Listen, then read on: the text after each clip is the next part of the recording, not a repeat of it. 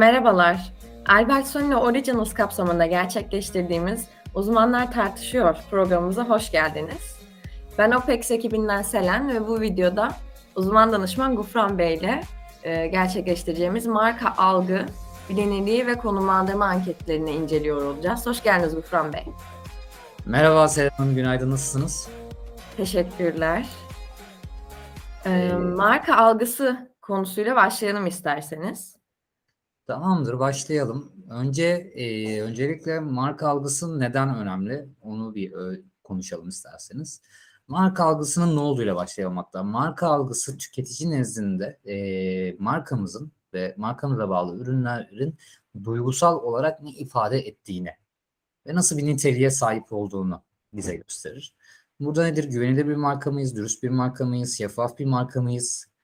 E, bu gibi duygusal sorulara cevap verir ve bunu ürün özelinde inceleriz. Yani tüketici bize ürünümüzün e, sağladığı fayda dahilinde duygusal tepki verir. E, ve buradan e, konsolde marka algısını çıkarırız. Tabii burada belli değerlendirme kriterleri ve belli sorular var. E, her sektörde ve her tüketici davranış modeline göre marka algısını ölçmek farklılaşıyor. Burada B2B'ye sorduğunuz marka algısına yönelik sorularla e, B2C'de yani son tüketiciye sorduğunuz e, marka algısı farklılaşıyor, başkalaşıyor. Burada muhatap olduğunuz kitledeki e, nicelik de yani sayı da farklılaşıyor. Bu sebeple bunun ayrımını iyi yapmak ve buna yönelik e, doğru marka algısını oluşturmak çok önemli. Piyasada düşülen hatalardan bir tanesi e, şirketlerin yani organizasyonel olarak e, muhatap olduğumuz müşteri kitlesiyle son tüketicinin davranış modellerinin çok fazla e, karıştırılıyor ve aynılaştırılıyor diye söyleyebilirim. Aynılaştırıyor olmasıdır. Hayır böyle bir şey yok. E, makine, otomotiv, yan sanayi gibi daha büyük sektörlerdeki marka algısını oluşturmakla kozmetik, gıda gibi son tüketiciyi direkt olarak ilgilendiren e, marka algısı farklıdır. Yani bu her iki tüketici segmentindeki duygusal oluşum ve tepki daha farklıdır. Bu sebeple burada hem marka sloganımız, kurumsal kimliğimiz ve piyasaya sürdüğümüz ürün ve hizmetlerimizdeki marka algısına yönelik yapacağımız bütün çalışmaları bu modelleri iyi değerlendirerek ve iyi modelleyerek oluşturmamız gerekiyor. Marka algısı ile ilgili e, şu an için ekleyeceklerim bunlar. E, sizin var mı marka algısıyla alakalı beklemek istediğiniz bir şey? Ben de şöyle bir güncel yorum yapabilirim. Şimdi günümüzde tabii tüketiciler artık fikirlerini ve deneyimlerini çok daha geniş bir alanda paylaşıyorlar. Özellikle sosyal medyanın da bu kadar kullanımının artmasıyla. O yüzden özellikle satın alma gibi bir e, opsiyon geldiğinde e, arkadaşlarının da etrafındaki insanların da düşünceleri kişinin buradaki satın alma davranışını etkiliyor. E, hatta yapılan bir araştırmada bu e, bir şirketle bir tüketicinin olumlu bir deneyim yaşadığında sonrasında bu firmayı, bu markayı %77 oranında e, arkadaşlarına ve çevresindeki insanlara da tavsiye ettiği görülmüş. Yani bu yüzden marka algısı da hani önemini gittikçe kazanan bir kavram sosyal medya ile birlikte. Tabii e, burada tavsiye konusuna değinmekte fayda var. Çünkü burada tavsiye eşittir e, marka süreçleri altında değerlendireceksek net tavsiye skoru dediğimiz Türkçesinde NPS'i ciddi anlamda etkileyen e, bir şey. Buradaki NPS hesaplamasını periyodik olarak yapmak, e, marka algısını doğru yönetmek, tüketicinin nezdindeki marka algısını doğru yönetmek adına çok önemli. E, bunu da tabii ki sektörel anlamda ve ürün piyasaya sürdüğümüz, sağladığımız ürünün niteliği ve hizmetin niteliğine bağlı olarak sıklığını değiştirerek sürekli olarak tekrarlamak gerekmekte. Evet. Ve firmalara şunu da hatırlatmak bu durumda önemli. Marka algısı yalnızca e, müşterilerinizin sizin üzerin, e, müşterileriniz üzerinde oluşturduğunuz bir etki değil. E, hatta daha da önemlisi müşteri olmayan kişiler sizinle ilgili ne düşünüyor ve neden sizle alışveriş yapmıyorlar. Yani burada bunu da aslında sebebini araştırmak gerekir bu anketlerde. Evet bu anketler ve yani sadece anket olarak demeyelim marka araştırma metodolojilerinin tamamının çoğunluğu bize bunu getirir. Ee, burada müşterimiz zaten bizim müşterimiz. Evet müşteri kaybetmemeye yönelik e, paydaşımız, paydaşlarımız dahilinde marka yönelik yatırımlar ve e, anketler, e, çalışmalar gerçekleştirip belli iş modeller oluşturmalıyız. Sizin de dediğiniz gibi e, parasal ve finansal kaygıdan daha çok burada itibar ve markaya, markanın güvenilirliğiyle alakalı süreçlere hem finansal olarak yatırım yapmak hem de subjektif yatırımlarla bunu desteklemek gerekiyor. Şimdi burada e, Bosch firmasının, beyaz eşya Bosch firmasının kurucusu Robert Bosch'un bir sözü var. İnsanların güvenini kaybetmektense para kaybetmeyi tercih eder diyor. Burada aslında marka algısının yani güvenilir marka algısının diyeyim e, bu süreçte ne kadar önemli olduğunu e, ve burada asıl meselenin para değil e, paranın marka güvenilirliği oluştuğu zaman zaten kendiliğinden geleceğini e, gösteren bir felsefe mevcut. Eğer ki bütün firmalar aynı felsefeyle yola çıkıp marka performans ölçümlerine e, en azından duygusal olarak başlayarak yani duygusal marka e, süreçlerini iyi yönetirse sonrasında zaten finansal olarak piyasada belli bir noktaya gelecekler. Biraz sonra konuşacağımız marka konumlandırma konusunda da buna değineceğiz mutlaka. E, ürün kalitesi, hizmet kalitesi tabii ki en önemli süreçlerden bir tanesi. Zaten güvenilirliği bu getiriyor. Ama bunun dışında markanın sağladığı algıyı da iyi ölçmek ve iyi görmek gerekiyor. Evet, şu an hatta sizin konuşmalarınız benim aklıma Facebook markasını getirdi Gufran Bey. Ee, Facebook ilk çıktığında marka algısı daha çok gençlere yönelik. Hatta üniversiteli kişilerin e, arkadaşlarıyla birlikte iletişim kurabilmesini sağlayan bir platformken şu an algı daha çok yaşı büyük olan insanlara hitap eden bir marka olarak şu anda değişmiş durumda. Hatta daha da ilerisi Facebook artık e, kişisel verilerin korunması konusunda da insanların gözünde algı olarak daha da kötüye gitmeye başladı durumu ve bu algıdan sebep e, kullanıcı kaybetmeye başladı. Bu da aslında güzel bir marka algı örneği olmuş olabilir. Evet kesinlikle öyle. Ya ya marka algısı ile ilgili örneklerin gerçekten e, sonu yok. E, aslında güçlü ve güvenilir bir markaysanız tüketici sizi evinde hisseder. Yani sizi evi olarak hisseder. Burada e, bunun en iyi örneklerinden bir tanesini e, hemen aklıma Red Bull ve Starbucks diyebiliriz. Mesela e, özellikle Türkiye'deki davranış modellerini iyi incelediğiniz ve Türkiye'deki Starbucks'ın yayılımını iyi gözlemlediğiniz zaman e, tüketicinin gerçekten çok ciddi anlamda bu franchise'a karşı bir güvenilirliğinin olduğunu görüyorsunuz. Red Bull için de aynı şey geçerli. Uzun yol yaptığınız zaman ya da işe giderken kendinizi çok enerjik hissetmediğiniz zaman aklınıza ilk gelen marka Red Bull oluyor. Burn olmuyor ya da Powerade olmuyor. Neden? E, Red Bull markaya yönelik yaptığı çalışmalar ve yatırımlarla gerek reklamlar olsun, gerek anketler olsun, gerek e, sahadaki promosyon çalışmaları, promotları olsun, e, piyasada, sektörde tüketici nezdinde ben en iyi enerji içeceği markasıyım algısını veriyor. Ama bunu belki e, gıda güvenilirliği ya da e, performans açısından incelediğiniz zaman e, Burnley ya da diğer markalarla çok yakın sonuçlar ortaya çıkacaktır. Burada gerçekten e, markanın algısını yönetmek çok önemli. Keza Starbucks için de aynı şey geçerli. Şu an e, hem Türkiye'de hem dünyada birçok üçüncü nesil kahveci kendi dükkanlarını açıp çalışıp ayakta kalmaya çalışıyorlar. E, bu aslında Starbucks'ın kurulduğu Seattle'da da aynı şekilde ilerliyor. Türkiye'de de aynı şekilde ilerliyor. Ama baktığınız zaman çok doğru bir stratejiyle gerek iç müşterisine karşı marka algısı yönetme, gerek dış müşteriye karşı, dış paydaşa karşı algı yönetme konusunda iyi bir stratejiyle ilerlediği için şu an e, gerçekten dünyanın en iyi kahvesini ben yapıyorum algısını e, piyasaya sürdü Starbucks. Evet, teşekkür ederiz örnekleriniz için de Gufran Bey. Dilerseniz marka bilinirliği konusuyla devam edelim. Marka algısıyla ilgili ekleyecek bir şeyiniz yoksa.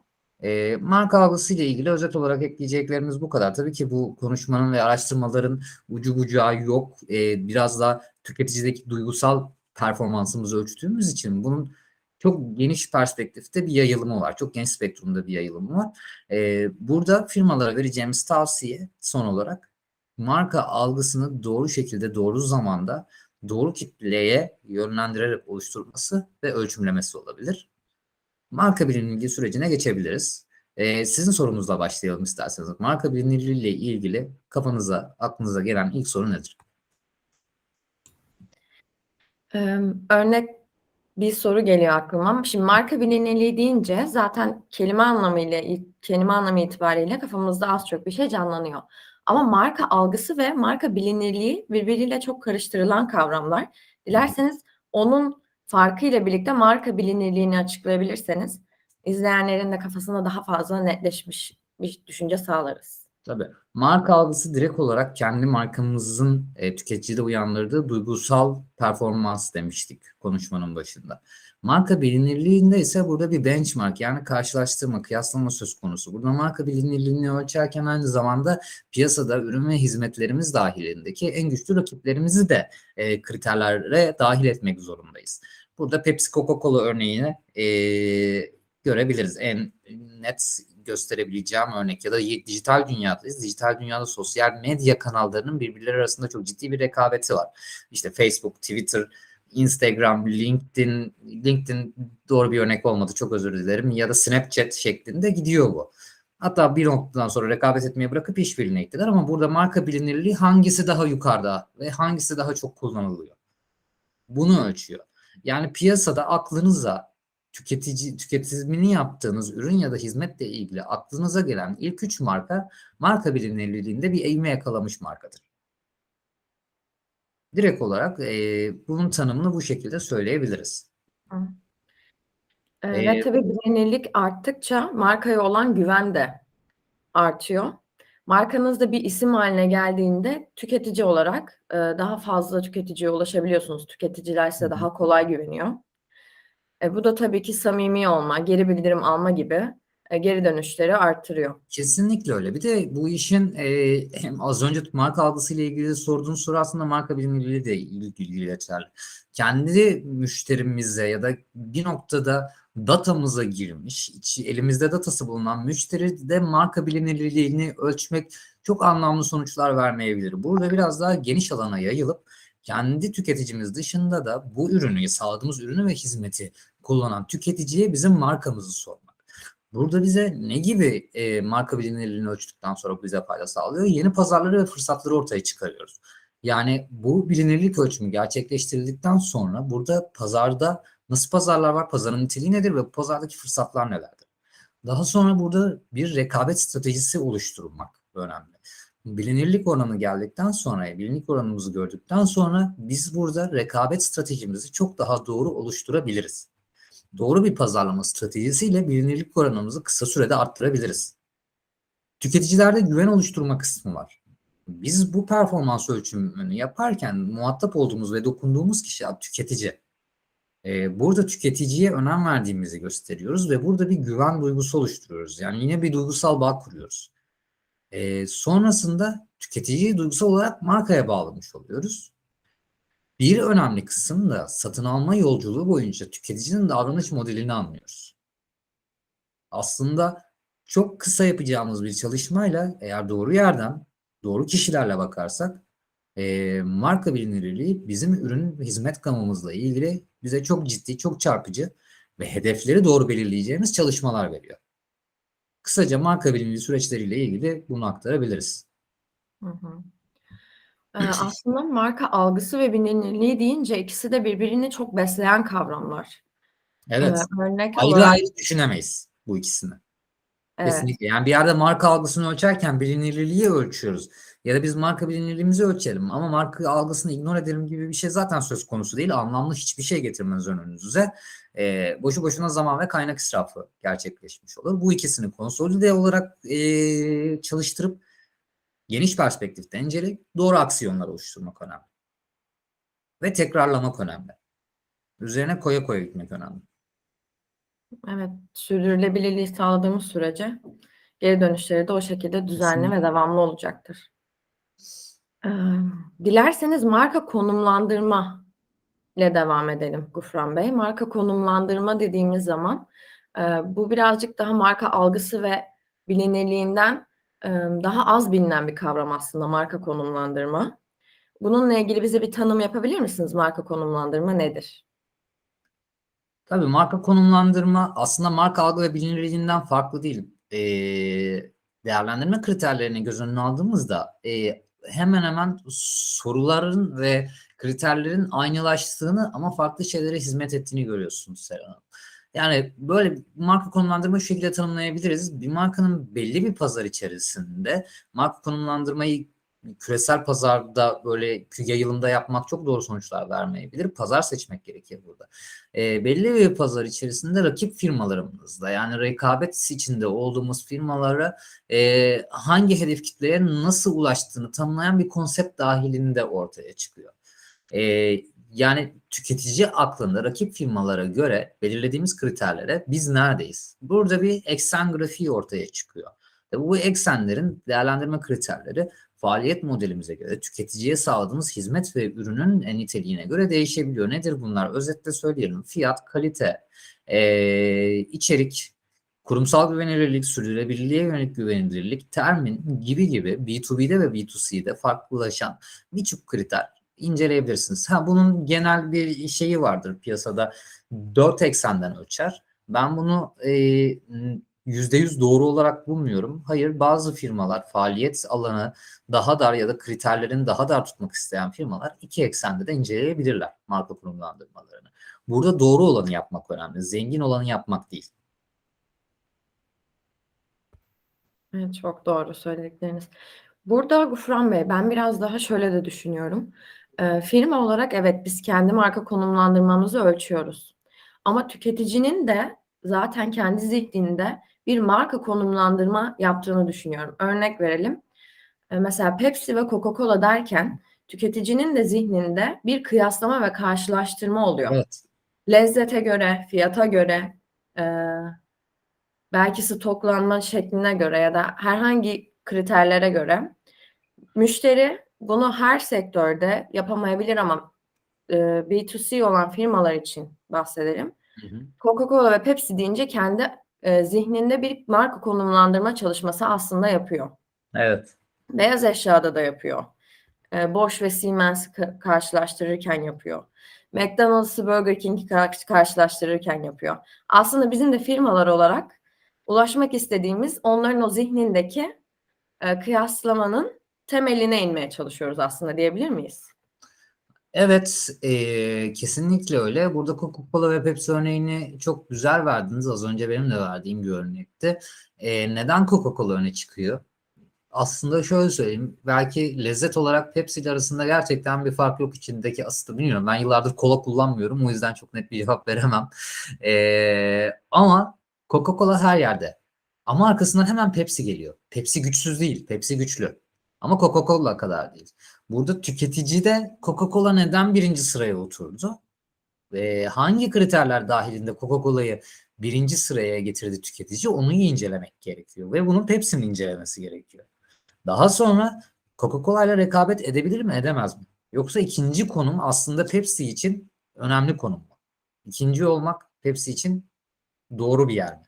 Bunu iyi analiz etmek gerekiyor. Daha sonra buna yönelik pazarlama stratejisi, pazarda tutunma stratejisi, tüketiciye ulaşma stratejisi oluşturmak gerekiyor. Zaten marka konumlandırma çalışması eee, bize bu ödevleri veriyor. Yani siz önce bir marka konumunuzu belirleyin diyor. Ama marka konumunuzu belirledikten sonra gelen konuma göre pazarı bir araştırın diyor. Pazardaki rekabeti iyi araştırıp ona göre analiz edin diyor. Daha sonra diyor eee, hedef kitlenizi belirleyin.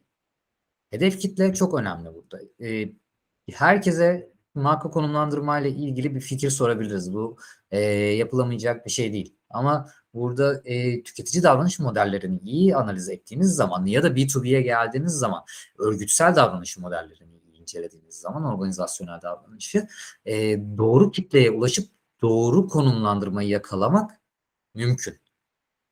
E, daha sonra burayı da geçtikten sonra e, markanızı eşsiz yapan özellikler nelerdir?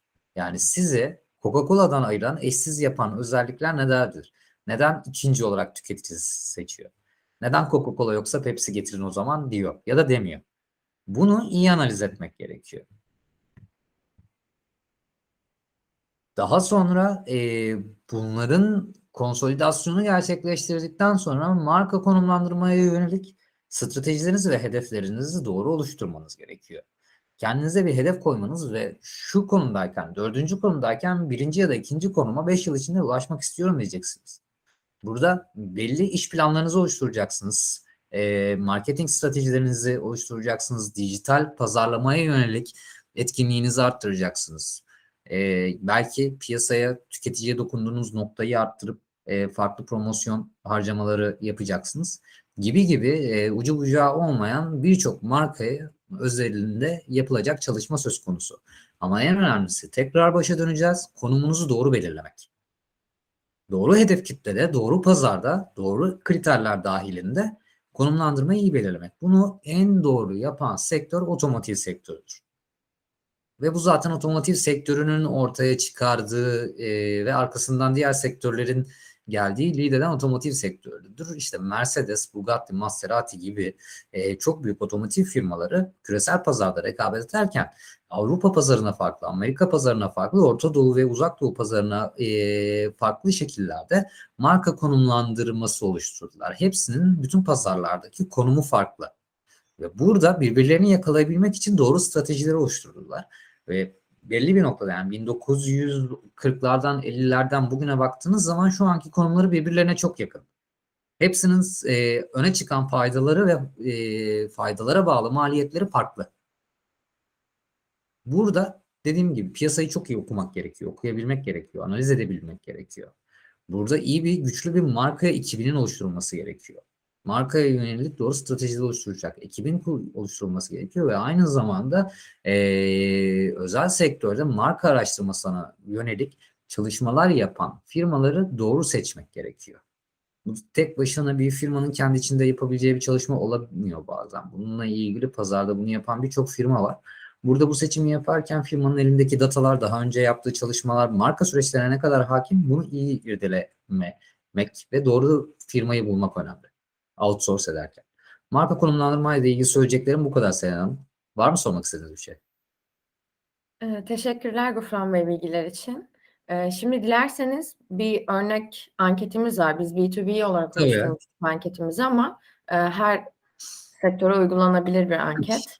Onu paylaşalım ve onun soruların ne anlama geldiğine ilgili biraz yorumlarda bulunalım. Siz anketi paylaşmadan önce bunun popülaritesinden bahsedeyim biraz da. Genelde marka konumlandırmayı aslında daha önce e, firmalar son tüketiciye yönelik yaparken son 10-15 yıldır e, artık B2B firmalarda çok ciddi anlamda hedef pazar belirleme ve hedef pazarlardaki marka konumunu belirlemeye başladılar. Tabii ki burada e, soru setleri, sorulacak sorular ve değerlendirme kriterleri farklılaşıyor. E, sizin açacağınız örnekte de bunu göreceğiz zaten.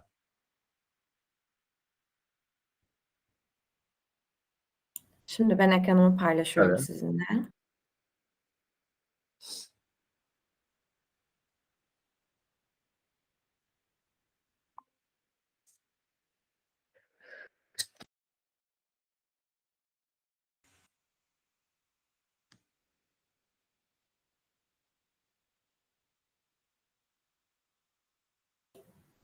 Görebiliyor musunuz Gufran Bey? Şu an Ekranı. görüyorum ama bizi görüyorum. Toplantıyı görüyorum. Tamamdır. Bağlantı sağlandıysa ben ankete geçiyorum. Tamamdır.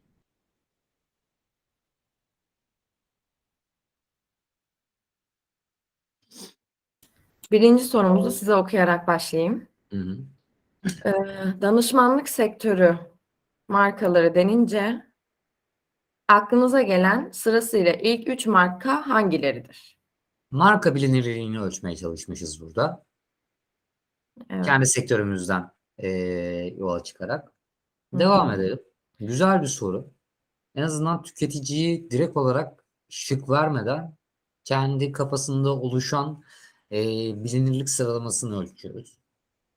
Evet. Onun devamında bu soruyla bağlantılı olarak Albert Solino hakkında ne kadar bilgi sahibisiniz? Burada 0 ve 10 aralığında bir ölçek belirledik.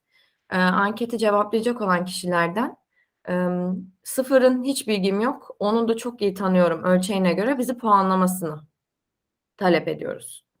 Tamamdır. Diğer soruya geçelim be.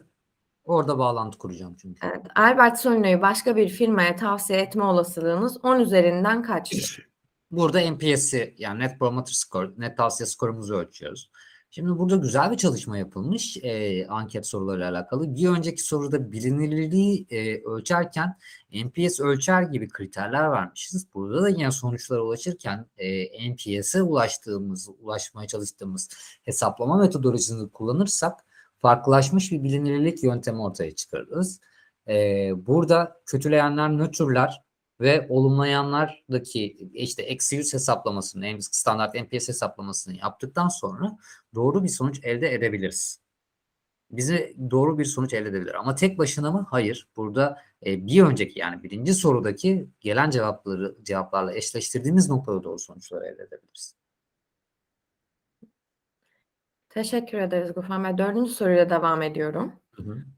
Danışmanlık sektör alanında işbirliği yapacağınız marka seçiminizde aşağıdaki ifadelerin sizin için ne derece önemli olduğunu belirtir misiniz? Burada yine 5'ten 1'e kadar bir skala kullandık. 5 çok önemli, 1 hiç önemli değil olmak üzere. Ve burada ım, belirli ifadeler kullandık. 14 tane. Biraz bunlardan bahsedeyim. Bunların değişebilirliği ile ilgili yorumlarda bulunalım. Ee, Birinci maddemiz köklü ve güvenilir bir marka olması. Kurumsal yönetim ilkelerine göre yönetilmesi. Yüksek kaliteli ürün veya hizmet sunması. Ürünlerinin uygun fiyatlı olması. Girişimci olması. Profesyonel ve nitelikli çalışanlara sahip olması. Finansal olarak güçlü bir firma olması. Yenilikçi ve inovasyon kültürüne sahip olması. Müşteri odaklı olması.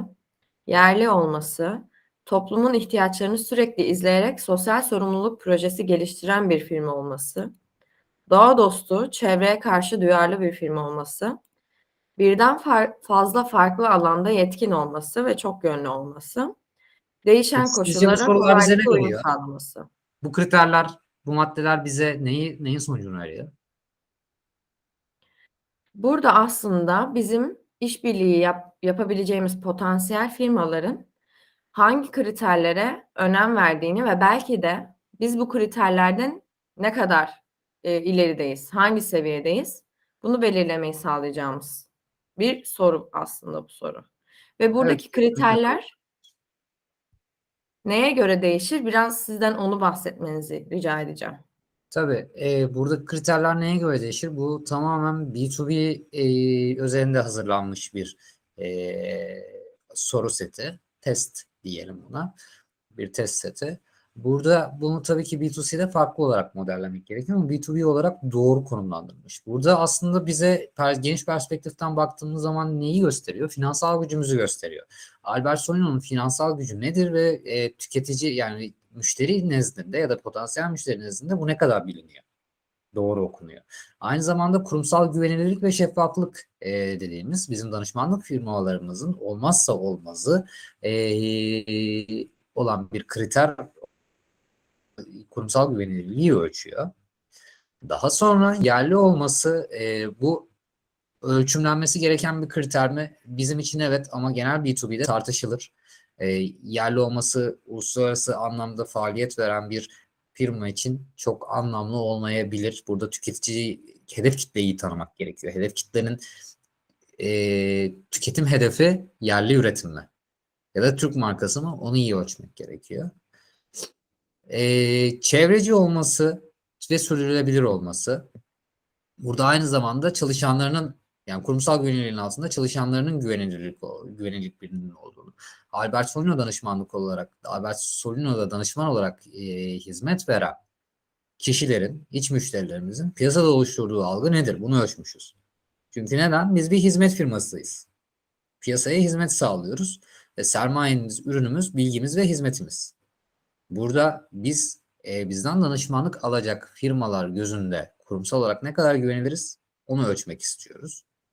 E, bunu aynı zamanda tabii ki e, makine üretimi yapan ya da e, B2B olarak farklı şekillerde hizmet veren, ürün değil hizmet sağlayan firmalar da uygulayabilirler. Ya da bunu çok rahat bir şekilde üretime evirebiliriz. Ya da B2C'ye evirebiliriz. Bu noktadaki soru setleri gayet güzel olmuş. Elinize sağlık. Teşekkürler. Ee, Dilerseniz diğer soruyla devam edelim. Bu soruda biraz daha marka konumlandırmaya yarayacak bir soru olarak değerlendirebiliriz diye düşünüyorum. Sizinle paylaşayım. Yine aynı kriterlerden oluşuyor sorumuz. Hı hı. Ve aşağıdaki markaların belirtilen ifadelerde ne derece başarılı olduğunu yine 5'ten 1'e kadar bir skalayla puanlamalarını istiyoruz. Burada em, şu boşluk bıraktığımız noktaları rakip firmalar olarak değerlendirebiliriz. Bu sefer aynı kriterler üzerinden hem Albert Sonno'yu hem de rakip firmaları e, anketi dolduran kişilerden değerlendirmelerini rica ediyoruz.